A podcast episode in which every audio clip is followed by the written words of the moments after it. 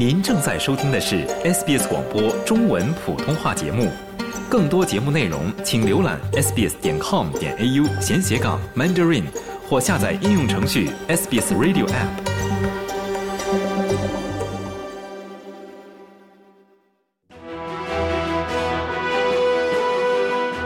Agreement. Israel batters Gaza in We are equal.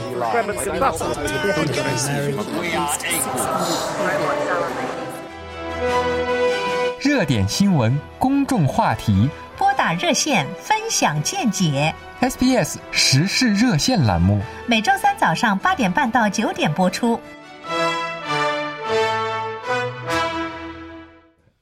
听众朋友，欢迎您继续收听 SBS 广播中文普通话，每周三为您带来的时事热线节目，我是刘俊杰。我是浩飞。我们看到一月十三号星期六，台湾选民呢将选出新一任领导人。台湾大选呢被不少人认为是测量美中关系和区域政治的温度计。那么，听众朋友，今年的台湾大选，您看好参与竞选的哪一方呢？嗯，那么台湾选举结果会带来哪些影响呢？于美中关系而言，与澳中关系而言，那么欢迎您参与我们的实时热线讨论节目啊！拨打热线电话一三零零七九九三二三一三零零七九九三二三，分享您对台湾选举的关注和看法。在接听听众电话之前，哈，先为您简要的介绍一下台湾选举以及关键的一些选举政策和大国角力，哈。嗯一月十三号呢，台湾民众就是台湾选民将进行三次投票，分别选出领导人、副领导人、地方立法委员会以及自己喜欢的政党名单，哈。嗯，根据这个政党的得票比例，获得席位的全体立法者名单。政党名单在台湾政治中尤为重要，是衡量一个政党受欢迎程度和声誉的标准。台湾立法院呢由一百一十三人组成，其中七十三名呢基于地区选举，三十四名呢基于政党名单，以及六名呢台湾原住民代表，他们的任期呢是四年。嗯，那么投票将于上午八点至下午四点开始开放，选民将投纸质片，纸质选票由手工来计票啊，约有大概一千九百五十万人登记选票，结果应在投票日期前公布，投票日期结束。嗯嗯批评人士说呢，台湾的投票制度呢剥夺了年轻人的发言权，因为呢选民必须年满二十岁，并且呢需要返回户籍地，通常是家乡啊才能投票。选举前一天，那么是数以万计的民众呢将奔赴台湾的一个离岛啊，驾车前往偏远的山城，或者乘坐高铁前往西海岸的主要城市之一，那么进行投票哈。嗯，尽管面临这些挑战，过去两次选举的投票率仍然相对较高。二零一六年为百分之六十六点二七，二零二零年为百分之七十四点九。嗯，今年台湾大选呢也是非常受到国际关注的哈。三位主要总统候选人分别为民进党的赖清德、国民党的侯友谊、民众党的柯文哲。今天的采访我们有提到哈，在接受本台记者雨夜采访的时候呢，瑞典斯德哥尔摩国际和平研究所中国和亚洲安全项目主任袁进东博士认为呢，大选临近，选民的投票意向主要受三大因素影响，其中首当其冲的首要因素呢就是台湾的经济发展状况。嗯，其次重要的因素是目前尚未决定的选民已经封关的民调显示，国民党稍微领先，但大约有百分之十五的选民还摇摆不定。与此同时呢，民调略微落后的民众党其提支持者将如何投票呢？还不确定哈。他们会继续支持柯文哲，还是转投其他政党？目前呢还没法预测。嗯袁建东博士表示呢，第三未知因素的第三是未知因素的影响哈，就是哎现在还不确定的。他就是在采访中回顾了二零零四年台湾总统选举哈，竞选连任的总统陈水扁和副总统吕秀莲呢遭遇枪击受伤，这一事件呢引发了巨大的政治效应，也影响了选举。嗯，此外呢，美中台三方关系也是本届台湾选举的一个重要关注点啊。我们看到援引 BBC 的中文吕家宏的报道，民进党蔡英文总统执政了八年，北京一直主张以过往作为国共两党谈判基础的“九二共识”论述为交流模式，不为台北接受。二零一九年元旦，习近平以“一国两制”台湾的方案邀请台湾上谈判桌，随即遭到蔡英文的拒绝。紧接着是两岸一连串的外交摩擦、角力，以及北京持续对台经济、外交等全方面的施压。二零二二年夏天，为报复时任美国众议院院长佩洛西访台，北京立即发动史无前例的围岛军事演练，区域间军事紧张关系到达了巅峰。在那个期间，哈，白宫则持续声明支持台湾民主。总统拜登呢上台四年来呢，四度宣称美国会防卫台湾的说法呢，引起了国际的高度关注以及北京激烈的抗议。在如此激烈的大国角力背景之下，台湾总统大选一直被认为是探测美中关系及区域政治的温度计，因为任何一党获胜，都将影响两岸关系，甚至美中各自的台湾政策，进而牵动呢其亚太战略。嗯，说到我们看亚太战略啊，台湾选举的三足鼎立之势对澳大利亚也是有一定影响的。嗯啊，那么我们看到台湾驻澳大利亚经济文化办事处总代表徐佑典表示，澳大利亚和台湾之间的关系仍然非常的紧密。他表示，台湾和澳大利亚联系比大家想的更加紧密，我们目前共处于印太地区。而且他认为，台湾是澳大利亚的第五大贸易伙伴。加入奥库斯联盟之后，澳大利亚在该地区发挥了更加积极的作用。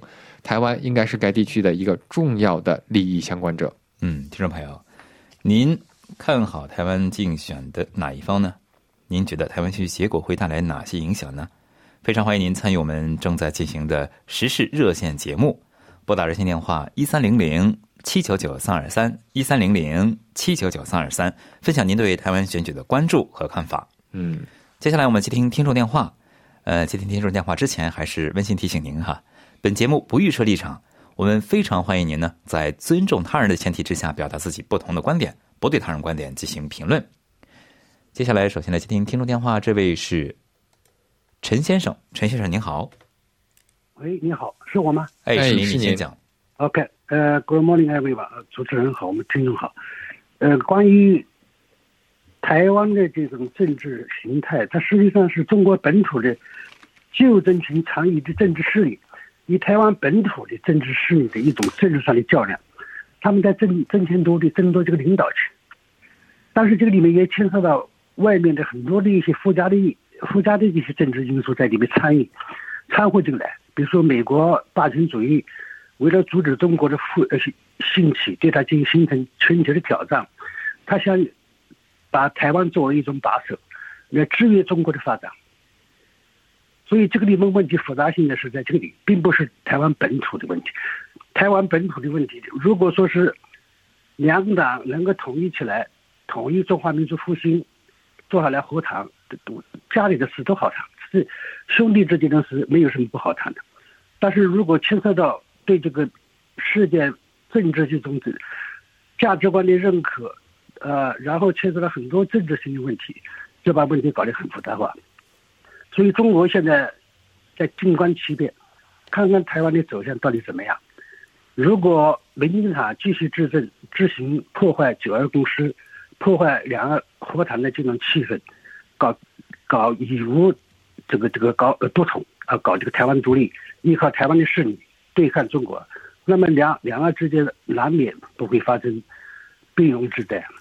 所以说，我觉得即使即使我看看好这个国民党，如果国民党的这个群众老百姓不愿意自我相残、骨肉相残，不愿意这个中华民族遭到涂炭，希望能够走向和平统一。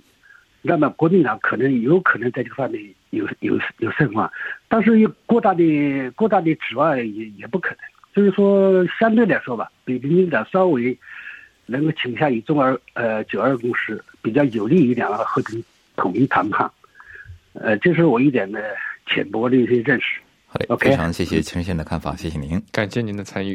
听众朋友，您如何看待台湾选举竞选的目前的状态？哈，您看好参与竞选的哪一方呢？您觉得台湾选举的结果有哪些影响？哈，非常欢迎您继续拨打热线电话一三零零七九九三二三一三零零七九九三二三来分享您对台湾选举的关注和看法。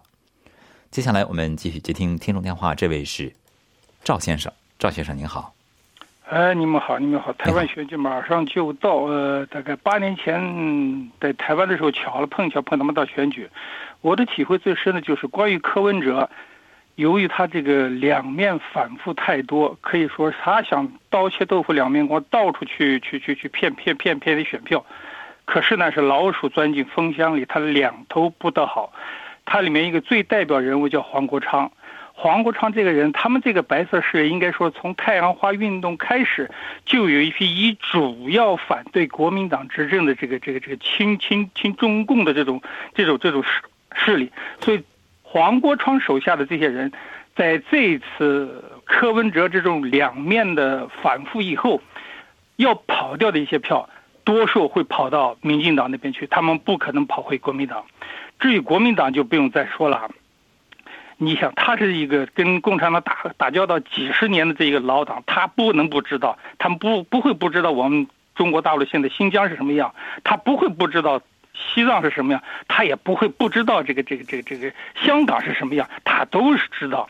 可是呢，这些国民党呢，被被被国民党里一部分人给彻底的绑绑架了，他的改变只有在。台湾再经过两次的政党轮替，让他彻底输掉以后呢，把这个中国国民党呢改成台湾国民党，那么他才会才会有生存的空间。所以在目前情况之下呢，如果要支持国民党，呃，选举国民党，那就跟台湾将来变成一个战场呢，增添了很大的很大的这个可能性，很大的可能性。另外，这个民进党呢，现在在美国国际盟友的这个。劝导和压力下，他不会走极极端台湾独立那条那条道。那么他会主张主权在台湾，也就他们认为的这个主权是在两千四百万台湾人手上。同时，他们也要对国际社会担负责任，因为国际社会对台湾进行过保护保护的义务，所以他必须要尽这个这个这个这个这个这这个这个权利。另外一个，美国在台湾的这个问题上，在两零零七年的时候说过非常清楚，我们澳大利亚。日本、加拿大，包括新西兰，都非常支持美国的这种态度。他美国的什么态度呢？二零零七年，美国已经明确表态。联合国的二七五八号决议决定了中华人民共和国是代表中国，但没有说明中华人民共和国代表了台湾的中国国民呃中国国中华民国这个台湾的国民党没有没有这个东西。那么这个东西呢，并且得到了我上面说的这些国家的支支持。所以在这一点上，我个人认为，保护台湾的安全和保护台湾的这个稳定呢，民进党这次呢可能会得到更。更多的选票，我比较看好民进党会会赢，而且我也比较支持民进党来赢得这次大选，这是我个人观点。谢谢张先生的看法，谢谢您，谢谢您参与。听众朋友，热线电话依然是一三零零七九九三二三一三零零七九九三二三。您看好参与台湾竞选的哪一方呢？选举结果会有哪些影响？非常欢迎继续拨打电话来分享您对台湾选举的看法和关注哈。接下来继续听听众电话，这是另外一位陈先生，陈先生您好。是我吗？哎，是您，您先讲。哦，两位主持人好，大家听众朋友好啊。哎，你好，你好。呃，大选只有三天以后，就第四天就举行了。台湾的这个大选，实际上它作为一个政权这个主权，不能说主权，它是一个行政管理权。按照那个就是国际共识嘛。你说什么国际社会帮助上？我补充一点，联合国。什么不包括这个二幺七五八这决议不包括那个的台湾，这个是解释你片面的解释。但是不包括的时候，但是他因为驱逐他出去，才能中国做联合国常任理事国，所以这是里面有一个很技巧的一个问题，也就是谁代表主权的问题。你既既然谈到这个问题，台湾是没有联合国会员的，只不过你自己认为我有大使，我有是外交使馆这领事馆，这个都是不谈。现在来看呢，是这样的，国民党呢从退败台湾以后，本来就是个烂党。说实话，国民党的人啊，就是一个就是很牛的，就是很 sneaky 的，就是就乱七八糟的。否则的话，共产党不会占占领大陆，对不对？就因为你不能代表老百姓，贪污腐败腐朽，那么共产党过来了。你到了台湾，你不思进取。然后什么党什么党都出来，这是国民党的一个乱点。那么至于国民党，好像你要到兵凶战危了，你要跟大陆再谈了，你有主权就掌握了你的就是管理行政管理权的时候，你不谈，所以这个都是一个里面的一种很负面的东西。你不能到了就是人家美国人现在叫你上取消那个这个两岸两岸不能成为九二共识是不行的，你要必须就承认两岸都是一个中国。所以你现在的问题是，民进党也好，国民党也好，台湾这些这这这批人两千三百万老百姓，我不大看好他。因为马英九做过国民党两两届那个主席，他也没有做出什么。说的难听一点，骗点大陆好处，弄点经济。那么你们刚才谈了经济是主主题，经济是主题，你现在跟大陆 a p 法取消了，国际社会关注这个是都是口头上的，对吧？哎呀，我们支持民主，民主吧。现在你民主，我们讲一个另外一个话题啊，不是跟台湾直接的。你把伊朗、俄罗斯和中国连在一起，你还谈谈什么民主啊？对不对？所以这些问题呢，都是可以讨论的。从目前来看呢，因为他十天以前呢。他呃，就选选投票十天以前，他就暂停那个公布那个呃民意数据，所以这个现在很难判断。现在你们的报道，刚才报道说微弱领先，还有百分之十五的那个投票那个人，现在来看呢，就是说大陆就是中国，他肯定是有对你要施加影响。这种影响不是基于影响你的机制，而是影响你对国家的分裂与否。这个问题，所以他现在台湾，你像国民党，我跟你讲，他赢了也好，不赢也好，他赢了都是一批老油子，他跟你什么谈统一，不谈的，谈和平，啊，这个这个问题统一他不谈的，我跟你讲，他谈统一，不要拘于国民党很多，那么民进党、国民党走到这么远，什么全都是整个中华民族的责任，不是一个台湾两千三百万人，包括十四亿人的责任。那么你今后怎么做，是自己一个取取取决于你们的。对不对？好嘞，好不好？谢谢陈总看法，谢谢您。听众朋友，热线电话依然是一三零零七九九三二三。接下来继续接听听众电话，这位是许先生，许先生您好。呃，是我吗？哎，是您，是您请讲。啊，你好。呃，我的观点很明确。首先，我想您可以把电话放在自己耳朵边上吗？谢谢您。呃，全球的华人都应该主张或者愿意祖国的。中国大陆的统一，但是如何统一？我想香港就是前车之鉴，也希望台湾同胞运用好自己手中的选票，为自己、为台湾自由民主的前程投上神圣的一票。台湾，你们是中国唯一的一片自由的土地。你们要尊重你们的权利，这就是我的话。完了。好嘞，非常感谢徐先生表达自己的看法哈。接下来我们继续接听听众的电话，这位是史先生，史先生您好。哎，两位主持人上午好。哎，你好。你好，你好。那个李宗仁在他的回忆录中曾经写作过这么一段：当李宗仁和蒋介石在呃在在在那个在解放前夕吧，在在争斗的时候呢，毛泽东呢没有发表过任何评论，也没写过任何一篇文章。为什么道理呢？不管是李宗仁执政还是国民党执政，共军总是要过江的。那么现在同样，不管是国民党执政还是呃那个民进党执政，共军总是要过海了。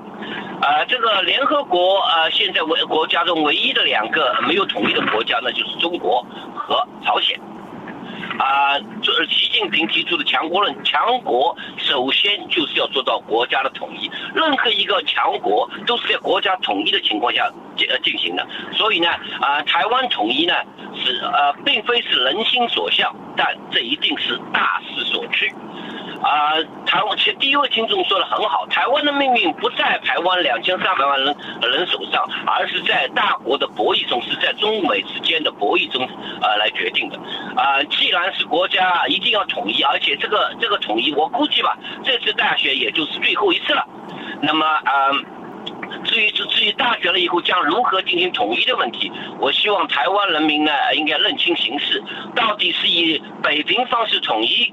还是以天津方式统一，还是也是以绥远方式统一？这个是这个掌握在啊、台湾两千三百万两千三百万啊人民的手中，希望他们能够做。不过我倒真心希望这次选举是没呃赖清德能够上台，因为啊、中华人民国为了台湾的问题已经花出了太多的人力物力，太多太多的财力了，所以我希望民进党能够上台，干脆提出个台独，有本事就台独嘛，对不对？那干干脆脆一台独，那么这个事情就解决了，这会加速啊、台湾的统一。至于美国啊，包括我们澳大利亚在内，这些官面上的话呢，说了就没有意义。既然如果这么支持的话，澳大利亚也好，美国也好，呃，新西兰也好，五眼联盟，你为什么不去支持台湾独立呢？你就让他承认台湾是个国家嘛。到现在为止，他们都没有承认过过台湾是一个国家，所以台湾人民应该清醒，不要在这里沾沾自喜。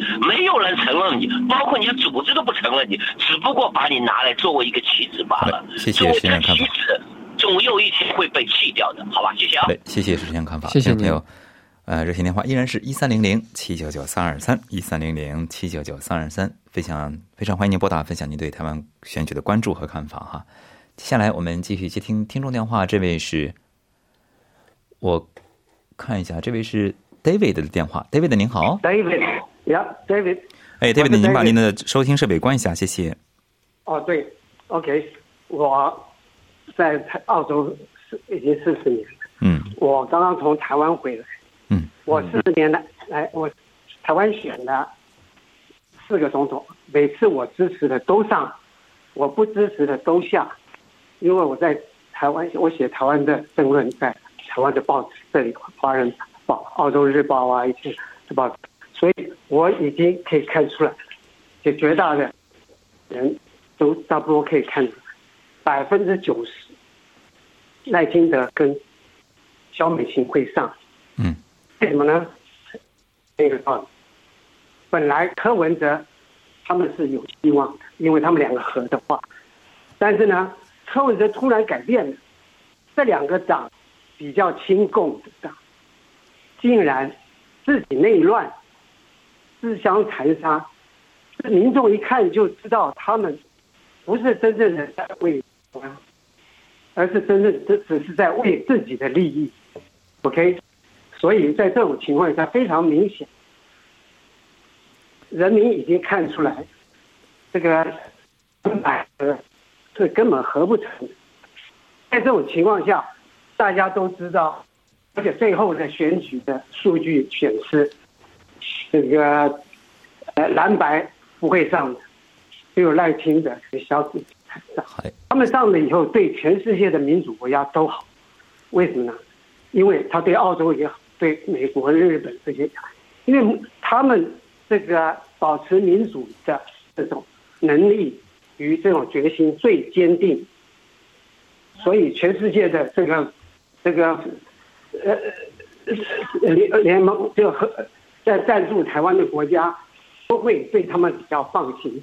在这种情况下，人民也放心，对世界也放心，所以他上的可能性最大。好嘞，谢谢 David 的看法，谢谢您。接下来我们接听下面一位听众，这位是洪先生，洪先生您好，哎，你好，哎，请您言简意赅表达自己的看法。好的，我更加支持，呃，我更加看好，嗯，民进党吧。然后我觉得，嗯，台湾选举没有那么复杂，可能就是本土人他对于呃不同党派政策和政界之间的一个选择。至于外交关系，那就是另一个层面。嗯，政党选举呃胜利后，然后他组成的政府才可能受外部的这个，无论是中美也好，还是其他。的势力的这个外交政策的影响，它不是说自己政党本身是什么意见就一定能贯彻下去的，它也要考虑到国际关系。嗯，相对来说，我觉得民进党的本土化做得更好一些，国民党的话，它的本土化做得没有那么好。嗯，我有一些台湾朋友，嗯，一些山县和海县的人，他的嗯就是政治观点不一样，然后蓝营和绿营。的铁票仓的政治观点不一样，所以我感觉台湾，你去问台湾人，你去支持哪个，我感觉会有很多不同的答案吧。然后现在除了两党以外，还有一些，嗯还有一些别的，就是去去选。所以我觉得，对我来说，我说实话对台湾不是选举不是特别了解，但是我觉得作为外人来讲，我感觉更看好民进党一些。好嘞，谢谢洪先生的看法，谢谢您。嗯，接下来我们接听下面一位，这位是 James，James 您好，哎，你好啊。可以给您半分钟时间表达自己看法。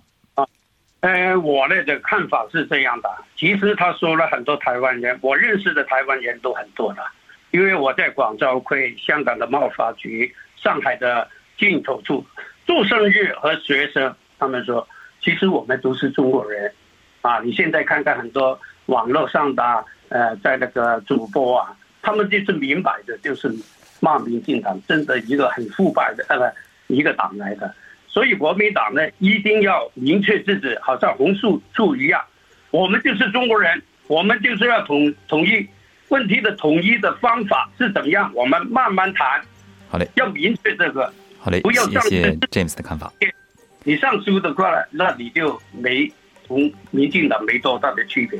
好的，谢谢 James 的感谢您的看法。听众朋友，今天节目中的听友个人言论不代表 SBS 立场，无法参与到电台半小时节目表达的听众呢，请登录 SBS 普通话节目 Facebook 页面。了解澳洲，融入澳洲，欢迎登录 sbs 点 com 点 au 前斜杠 language 前斜杠 mandarin，获取更多澳大利亚新闻和资讯。